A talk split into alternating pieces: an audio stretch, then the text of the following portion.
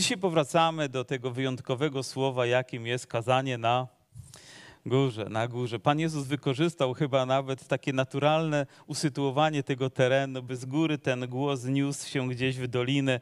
I może to również jakiś obraz, że, że po prostu taka przestrzeń do takich tłumów ludzi akurat została wykorzystana, by dotrzeć do każdego z nich. Pamiętam, chyba był to 78 rok, kiedy pojechałem po raz pierwszy na kolonie nad morze. Nigdy nie widziałem wcześniej morza, jedynie gdzieś na zdjęciach, może na czarno-białym ekranie telewizora. Nie mogłem się doczekać tej chwili, aż ujrzę, ujrzę morze. Powiem wam, oczekiwałem tego, moja wyobraźnia pracowała i gdy pojechaliśmy, to już byłem gotowy biec przez tą wydmę, żeby tylko zobaczyć tę przestrzeń. I nie zapomnę tej chwili, popołudniowy wieczór, słońce chyba już nawet, może nie zaszło, ale schowało się gdzieś za chmurami, ale gdy wyszliśmy ponad wysokość wydm i zobaczyłem tą przestrzeń, zakochałem się. Powiem wam, nie ma dnia, żebym nie chciał być nad morzem. Nie wiem, tak lubię ten obraz, lubię tę przestrzeń, kocham, że po prostu tęsknię, tęsknię. Jak tylko mogę być, to nie omieszkam, żeby wejść do wody, chociaż po kostki i pobiegać po brzegu, jak dziecko po prostu. Nie zapomnę też, to są rzeczy, do których chcę wracać. Nie pamiętam też pewne wydarzenie, które miało miejsce w ósmej klasie. Kończyliśmy szkołę i akurat e, nasza pani, która była naszą wychowawczynią, pani Barbara, nazwiska nie wymienię, no bo nie ma potrzeby, ale pamiętam do dnia dzisiejszego, ale pani Basia postanowiła prorokować na koniec. Znała nas dobrze, bo wychowywała nas od czwartej klasy aż do ósmej, więc wszystkie te lata prowadziła, prowadziła.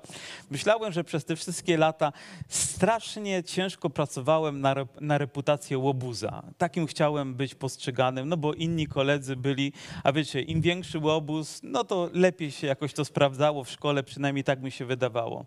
A ona, mówiąc mówiąc o każdym, doszła do mnie, miało chyba 21 numer w dzienniku, popatrzyła i mówi, a teraz Jarek. No i zaczęła mówić. Wiecie, Jarek to jest dobry chłopak. Jarek to jest wrażliwy chłopak. Jarek ma takie dobre wnętrze i serce. Ja mówię, chyba nie o mnie mówi, no nie będzie mnie tu ośmieszać przed kumplami. I mówi, Jarek będzie dobrym mężem. A ja mówię, o, to już poleciała po bandzie. Nawet nie myślałem, że człowiek w ogóle się ożeni kiedykolwiek. Wiecie, i miała rację.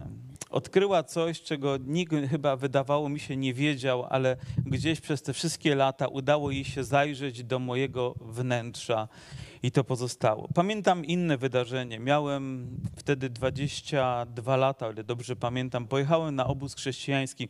Przyjechała też grupa ze Stanów. Niektórzy z nich mieli takie szczególne też obdarowanie, że dzielili się słowem takiego poznania czy proroctwa odnośnie osób. I ja wiedziałem, że te proroctwa są dla innych, ale nie dla mnie ale siedziałem gdzieś podczas uwielbienia, akurat gdzieś przeżywając też Bożą obecność. I jeden z nich podszedł do mnie, pamiętam, na imię miał Mark, położył rękę na mojej głowie i zaczął wypowiadać słowa, które zapamiętałem do dnia dzisiejszego. Mówi, chociaż twoja służba teraz nie wygląda zbyt obiecująco, ale przyjdzie dzień, kiedy Pan tego dotknie i zobaczysz jego owoc w swojej służbie. Uczyni to naprawdę ważnym i znaczącym. Wiecie, to było tak zachęcające dla mnie. Gdzieś człowieka z małego zboru, wręcz prowincjonalnego zboru, gdzie garstka ludzi się spotykała, gdzie raczej celebrowaliśmy tradycje niż jakiś postęp w swoim życiu dokonywaliśmy. Wypowiedział te słowa nad moim życiem, nigdy ich nie zapomniałem. I nigdy nie zapomnę tego obrazu, tych słów. Myślę sobie, gdy Jezus wypowiadał te słowa w kazaniu na górze, czy myślicie, że ludzie byli w stanie je zapomnieć? Czy byli w stanie zapomnieć ten obraz Jezusa stojącego przemawiającego do nich, jego tonację głosu? Wiecie, nie zapomina się takich słów, takich wydarzeń, ponieważ zbyt głęboko zapadają do naszych serc i zbyt wielkie mają znaczenie.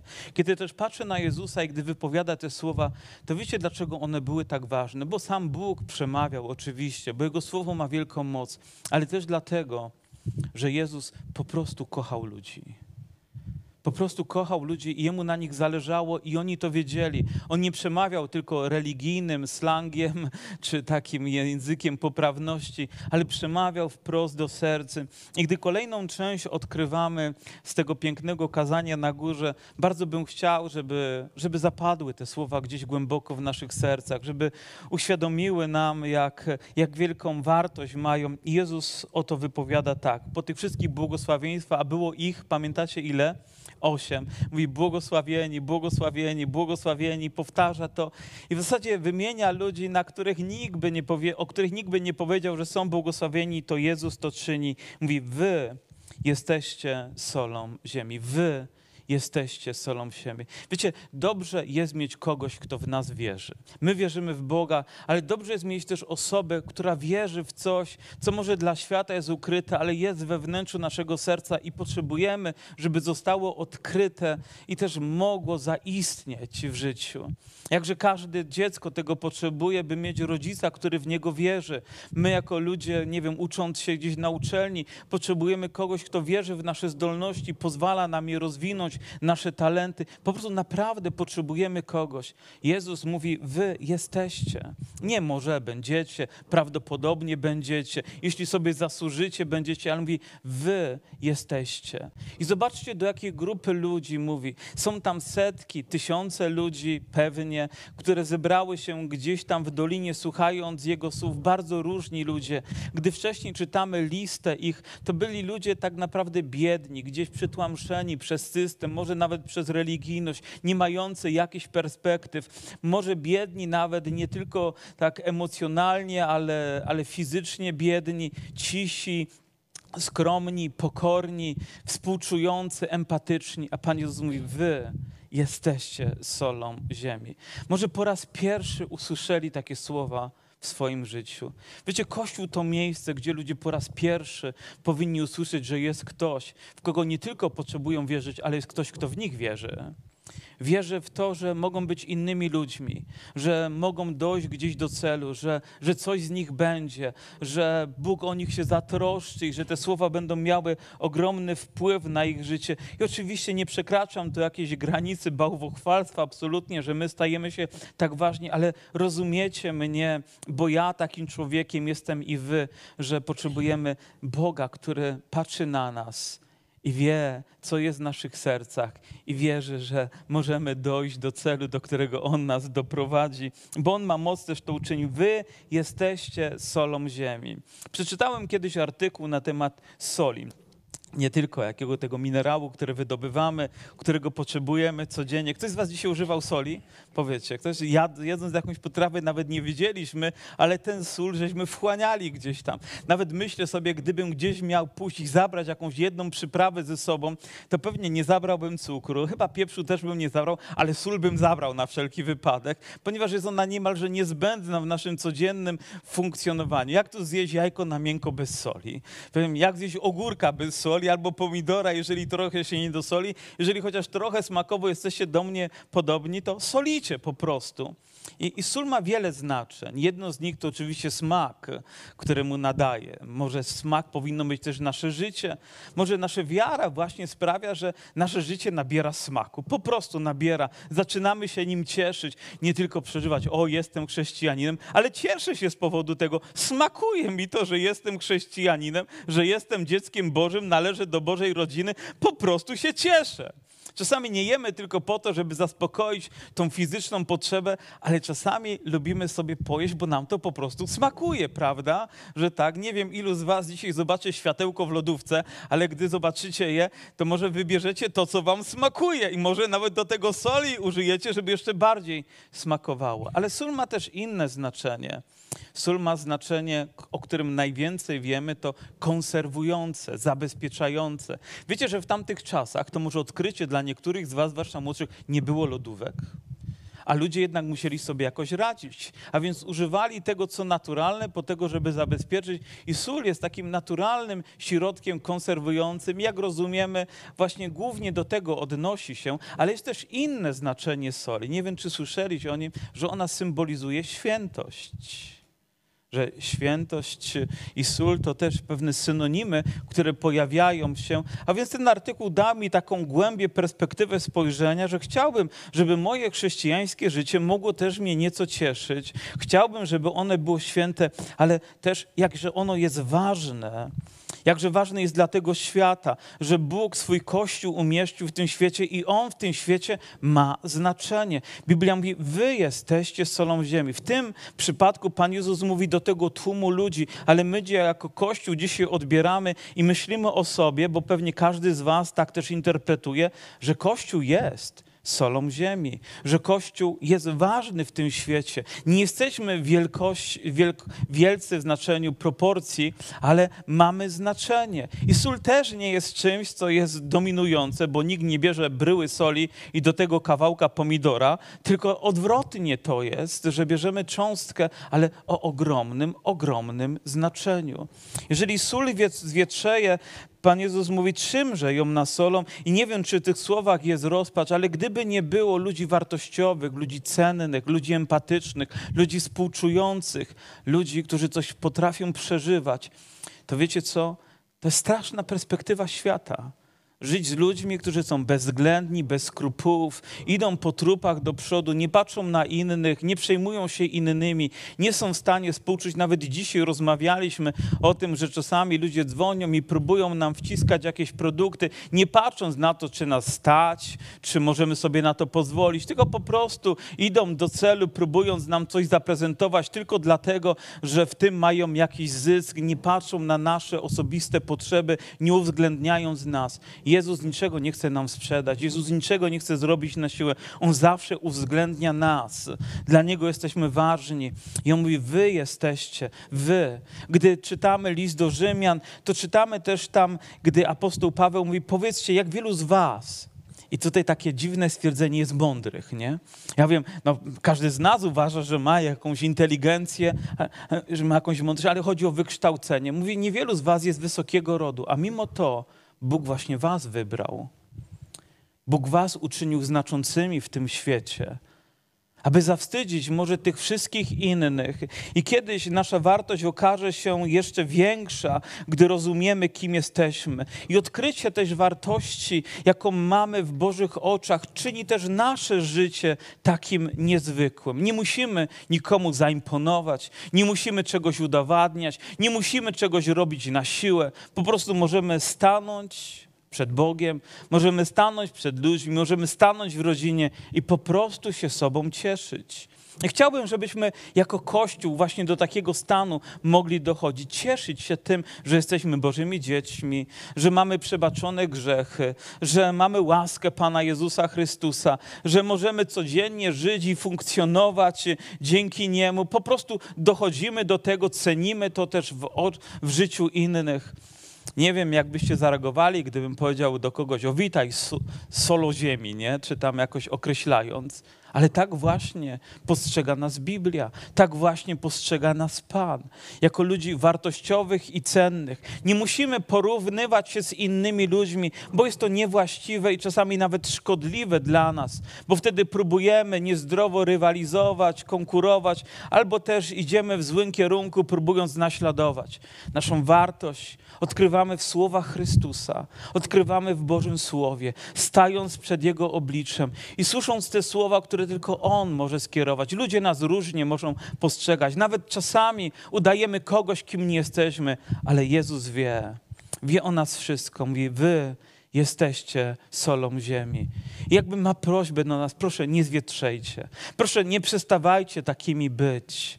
Nie przestawajcie być takimi nawet jak na początku, gdy poznaliście Pana i macie tą pierwszą miłość gorliwą, czasami nawet wydaje się naiwną i nieco dziwną dla innych, ale macie, nie zgubcie tej pasji, bądźcie. Bądźcie wciąż pełni miłości, bądźcie współczujący, bądźcie troskliwi, bądźcie takimi, jakimi Chrystus chce, żebyśmy byli w tym świecie. Powiedzcie, jak może wyglądać ten świat, bez ludzi, którzy takimi są. Znaleźć się w miejscu bezwzględności, bez skrupułów. Wiecie, to wygląda jak piekło. Ludzie sobie go zgotują wcześniej czy później, gdy w takim miejscu się znajdziemy. Ale jakże dobrze jest przebywać z ludźmi, którzy okazują troskę i szacunek sobie nawzajem. Amen? Ktoś kiedyś powiedział taki obraz, że, że niebo od piekła będzie różnić się tym, że w, że w zasadzie widok jest taki sam, ale w jednym miejscu ludzie będą głodni, a w drugim miejscu będą nasyceni. Że są po prostu, jest stół, przy którym są potrawy i są takie ogromne, długie sztućce, którymi nie można sobie sięgnąć do ust. Są zbyt długie, żeby po prostu sobie włożyć w tą przestrzeń, która połyka to dalej. I w jednym miejscu, w piekle ludzie będą głodni, bo każdy próbuje nakarmić siebie, a w niebie będą nasyceni, bo każdy próbuje nakarmić drugiego. I myślę, że ten obraz powinien również i nam. Jesteśmy solą ziemi. Powinniśmy być błogosławieństwem dla siebie nawzajem. Cenić to, bo czymże ona się stanie? Hmm. Biblia mówi, chyba tylko by precz wyrzucona i przez ludzi zdeptana. Wy jesteście światłością świata.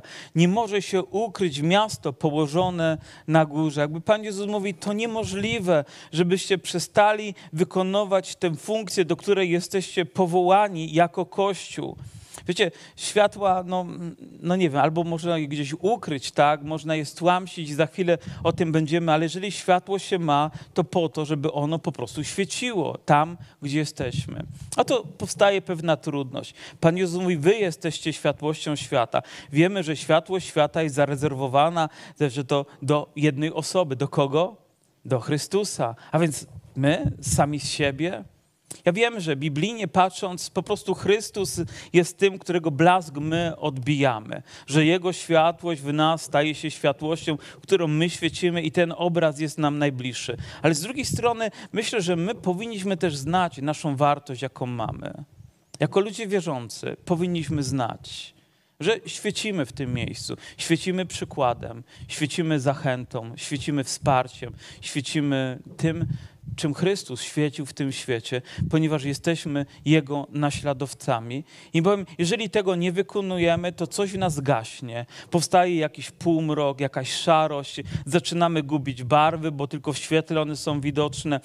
Zaczynamy gubić życie, bo jak to żyć w ciemności? Są kraje, gdzie jest za mało słońca i ludzie często popadają w depresję. Takie są skutki, gdy mamy za mało po prostu w sobie światła. Powinniśmy znać też tę wartość, którą odkrywamy dzięki Chrystusowi i cenić ją, naprawdę cenić. I tam, gdzie jesteśmy, to nie my zwariowaliśmy, ale ten świat tak naprawdę zwariował. To nie my powinniśmy się wstydzić tego, że mówimy prawdę, ale powinni się wstydzić ludzie, którzy mówią kłamstwo. Powinniśmy wiedzieć, że, że Bóg włożył w nas coś wyjątkowego, uczynił nas też wyjątkowymi ludźmi, abyśmy dawali świadectwo wobec tego świata. Mówi, wy jesteście. Dla innych może dziwni, niezrozumiali, może dziś standardy dzisiejszego świata są inne, ale Pan Jezus nie mówi, nieważne jak wielu będzie myślało inaczej. Mówi, ważne, że wy to zachowacie. Ważne, że ja i moja siostra i mój brat z tymi wartościami będą żyć w swoim życiu i będziemy w sposób naturalny. Pan Jezus nie mówi o niczym, czego ja i ty nie bylibyśmy zdolni uczynić. Nie rzuca nam wyzwania, które jest ponad miarę. Nie, nie rzuca tego ludziom, którzy są taki ultraduchowi. O, ten to może zrobić, ale ja nie. To słowo odnosi się do każdego z nas. Ja i ty. Jesteśmy powołani do tego, żeby być solą tej ziemi. My mamy być światłością, mamy być przykładem, mamy być wzorem dla tego świata, w którym, w którym żyjemy. Nie może się ukryć miasto też położone na górze. No bo miasto na górze to miasto na górze, prawda? I ono tam było, jest i będzie. I nawet gdy przyjdą trudności, może woda się podniesie, to to miasto przetrwa. Nie zapalają też świecy, i to słowo szczególnie kiedyś do mnie przemówiło, i nie stawiają jej pod korcem. Ja wiem, że słowo korzec jest prawdopodobnie już nieużywane. Czy ktoś z Was wie, co to jest ten korzec, który tutaj jest wymieniony? W Biblii też wiemy, że jest to pewna jednostka miary. Ale przeczytałem sobie, że korzec w różnych czasach był różną jednostką miary. Na przykład był korzec, który miał 50 litrów, a był korzec, który miał 500 mm, litrów. Ale ten biblijny korzec rzymski miał wtedy około 10,5 litra. Nie wiem, czy izraelski miał tak samo, przepraszam, aż tak e, nie ma to wielkiego znaczenia, ale, ale wiem, że to było pewne naczynie, które było też miarą też pewnej objętości, jakiejś przestrzeni, która mimo wszystko była większa czy mniejsza, ale była ograniczona. I Biblia mówi, nie stawia się po prostu świecy pod korcem. Dlatego, że brak powietrza, brak tej przestrzeni, wypalanie się tlenu spowoduje, że ona będzie gasnąć, gasnąć, albo będzie tylko świecić i będzie więcej kopcić, niż przynosić światła i, i efektu. I wtedy przemówiło do mnie takie wewnętrzne słowo skierowane do mojego serca. Jarek, to ty powinieneś wyjść spod korca. Nie powinieneś pozwolić, by Twoje powołanie, by to, co Chrystus uczynił dla Ciebie, przez cokolwiek lub kogokolwiek było ograniczone. Nie możesz stawiać się pod korcem. Wiecie, wciąż w naszym życiu są ludzie, którzy próbują stłamsić, próbują jakoś umniejszyć, próbują zignorować, nie wiem, próbują coś uczynić, co będzie wpływało na nas tak, żebyśmy tego akurat nie zrobili. Ja wiem, że można to zrobić, można to zrobić bardzo brutalnie. Ja wiem, że rodzice mogą to zrobić, zwłaszcza dziecko, no chyba moje dziecko nie zostaniesz i dziecko wymienia tutaj jakąś swoją pasję, no nie wygłupiaj się, i zawsze próbujemy w jakikolwiek sposób wpływać na to, żeby nasze dziecko akurat tego nie robiło. A może to jest jego powołanie, nie wiemy. Może to jest dobra rzecz, może powinniśmy to odkryć, może powinniśmy to pielęgnować, powinniśmy to podsycać, zachęcać, ale my od razu czapę od góry i nie będziesz mi tu łebku podskakiwać. Nie? Od razu ktoś próbuje próbuje się odezwać, jak mówi, a głupio powiedziałeś. Czy myślisz, że taka osoba odezwie się kiedykolwiek później? Że będzie chciała zabrać zdanie, wypowiedzieć się w jakiejś kwestii? Z pewnością nie, bo od razu ktoś już nałożył jakieś ograniczenia, które później definiują cię w tym, że gdy trzeba zabrać zdanie, brakuje ci odwagi, ona gdzieś grzęźnie w twoim sercu, w twoich ustach, ponieważ ktoś to wcześniej w bardzo bolesny sposób zrobił wobec Twojego życia. Możemy być dla siebie ograniczeniem albo zachętą. Możemy ograniczać się w zborze, widząc tylko jakieś złe rzeczy i je eksponować, albo dostrzegając te dobre i pozwalając, aby one zabłysnęły, żeby one zostały wydobyte, żeby one mogły funkcjonować, żeby one były błogosławieństwem dla innych. Możemy narzucić sobie jakieś formy, które zaczynają ograniczać, zaczynają tłumić pewne rzeczy związane też z, no, z funkcjonowaniem Kościoła. Nie wiem, Pewnie już Wam mówiłem o pewnym misjonarzu, który pojechał do Chin. Jego nazwisko tutaj akurat nie jest tak najważniejsze, ale był w misji. I, I tam w tej misji funkcjonował. I on, będąc w Chinach, wychodził na zewnątrz, ale później wracał. Wychodził i wracał. Ludzie się nie nawracali. I on próbował uczynić chrześcijanami, a oni nie chcieli być chrześcijanami. Aż w pewnym momencie mówi, coś jest nie tak. Bóg mnie tutaj przysłał. Chce, żebym nawracał ludzi, przyprowadzał ich do Niego, ale nie czuję się w ogóle ani spełniony, ani wykorzystany. I wiecie, co postanowił? Oczywiście nie zachęcam do tego, żebyśmy jakieś takie nieprzemyślane kroki robili, ale on wyszedł z tego miejsca i powiedział, pójdę do ludzi, aby zwiastować zwiastować im Ewangelię. I naprawdę zrobił to. Zaczął ubierać się tak jak oni, zapuścił sobie włosy tak jak oni, nauczył się ich języka, zaczął rozumieć ich kulturę i zaczął zwiastować im Chrystusa i zaczęły się nawracać dziesiątki, setki, tysiące i dziesiątki tysięcy. A więc musiał wyjść, musiał coś zrobić, żeby to powołanie mogło realizować się w jego, w jego życiu. Czasami narzucamy sobie jakieś ograniczenia też związane z funkcjonowaniem nie, nie, chcę też powiedzieć, nie każde ograniczenie jest złe. Niektóre są dobre, bo trzymają nas też w jakimś takim bezpieczeństwie, ale czasami one są sztuczne, czasami są niepotrzebne, czasami są nadużyciem tylko po to, żeby ograniczyć tylko po to, żeby ta pasja dla Chrystusa nie została okazana, by ta modlitwa nie popłynęła, bym nie powiedział głośniej może Aleluja niż inni. Tylko tak w granicach 35 decybeli, bo 37 jest już niedopuszczalne. Oczywiście mówię to tak żartobliwie, ale rozumiecie, że łatwo jest uciekać gdzieś pod korzec, bo tam spokojnie tam gdzieś tlimy się, jesteśmy wierzącymi, nie przeszkadzamy innym, ale czy realizujemy to, do czego zostaliśmy powołani? I Pan Jezus chciał, żeby oni zrozumieli też, jaką wartość mają w Jego oczach, żeby stanęli w tym miejscu i zaczęli być świadectwem też dla innych. Mówi nie, mówi tak nie może być, mówi nie stawia się pod korcem, lecz na świeczniku świeci wszystkim, którzy są w domu. Mówi tak, niechaj świeci wasza światłość przed ludźmi, aby widzieli, i tutaj jest definicja, wasze dobre uczynki i chwalili Ojca waszego, który jest w niebie. I inna rzecz, która wynika z tej lekcji, to to, że ma znaczenie to, jak żyjemy, ma znaczenie to, jakie świadectwo wydajemy, i ma znaczenie to, widać, jak ludzie reagują na to, bo celem tego jest, aby ludzie, widząc nasze życie, standardy chwalili Ojca w niebie poprzez nasze zachowanie. A więc jeżeli ktoś mówi, wiesz co, to nie ma znaczenia, czy ludzie na mnie patrzą, ja widzę, że Biblia mówi, że to ma znaczenie. Więc nie interesuje mnie Twoje osobiste zdanie na ten temat, bardziej interesuje mnie to, czego naucza Chrystus w tym momencie. Że moje zachowanie wobec innych ma znaczenie. Nie jestem tylko indywidualny sam dla siebie, bo wtedy jestem tylko egocentrykiem i egoistą. Zwracam też uwagę na ludzi i moje życie dla Boga naprawdę w szczerości, w posłuszeństwie słowa powinno charakteryzować się tym, że ludzie patrząc, nawet jak wyglądam, może jak się ubieram, to jak mówię, to jak się zachowuję, to jakie rzeczy dokonuję, albo też jakich nie dokonuję, było pobudką do tego, aby inni patrząc mogli powiedzieć: No, chwała Bogu za tego człowieka.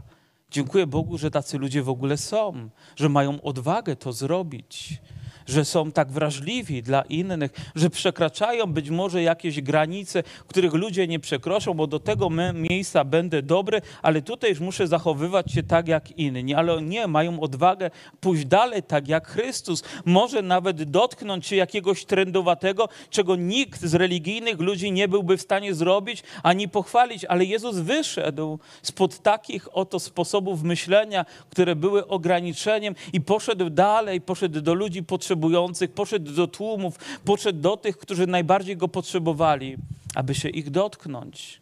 Aby ludzie patrząc na niego, oczywiście była grupa wściekłych ludzi, którzy zgrzytali zębami, jakby mogli, to ukamienowaliby go tam na miejscu, ale byli ludzie, którzy płakali.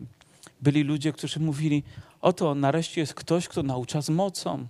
Oto jest życie, które jest dla mnie przykładem. Oto jest ktoś, do kogo chcę pójść, kogo chcę posłuchać, z kim chcę przebywać. To jest Chrystus. I chciałbym, żebyśmy tak żyli, takim świadectwem byli, aby ludzie nie gorszyli się naszym postępowaniem, ale abyśmy byli pobudką, aby nawet bez słów nasze życie było powodem do tego, że ktoś wieczorem powie: Boże, dziękuję Ci, że spotkałem tę osobę na drodze że spotkałem tego człowieka w autobusie, który wyciągnął rękę i pomógł mi wejść. Panie, dziękuję Ci za tego młodego człowieka, który ustąpił mi miejsce w autobusie, że byłam zmęczona, a on ustąpił. I mówię, to są może drobne rzeczy, może też i w kościele. Jesteś, Panie, tak Ci chcę dziękować za tą siostrę, która tyle miłości wkłada, przygotowując to albo robiąc tamto, albo za tych braci, którzy, którzy w taki sposób służą jedni drugim. Panie, chcę Ci podziękować. Możemy być powodem do tego, by ludzie dziękowali zamiast. No, o tym w ogóle nawet nie wspominamy. Przecież mamy być solą ziemi dla tego świata. Nie solą wokół, pamiętajcie. Mamy być solą ziemi Mamy być światłem, przykładem, zachętą. Mamy pozwolić też sobie na, na wolność w tym, żeby robić to tak, aby inni mieli powody do tego, by chwalić Boga. Wiecie, ktoś powiedział, że szaleństwem jest robić to samo i mieć nadzieję, że wszystko się zmieni. Może to nie wszystko ma się, ale my mamy się zmienić, by coś mogło zacząć lepiej funkcjonować. Może ta przemiana powinna rozpocząć się od nas. Może właśnie od tej świadomości, że przez całe życie ktoś próbował sterować Twoim życiem, ale teraz nie. Postanawiasz, że tak nie będzie. To Chrystus będzie miał wpływ na Twoje życie. To Jego słowo, to Kościół będzie tym miejscem, gdzie będziesz miał odwagę sprawić, że inni będą się uśmiechać, że będą błogosławić Pana za to, że mają tak wspaniałego Zbawiciela. Myślę, że po tych słowach nikt nie mógł zasnąć. Długo je przemyśliwali, bowiem budzili się z nimi i wciąż były w ich głowach. Myślę, jak wiele osób się zmieniło. Jak wielu ludzi właśnie poprzez to kazanie pewnego dnia, widząc życie innych ludzi, powiedział: Wiesz co, przyszedłeś, ale już jesteś innym człowiekiem.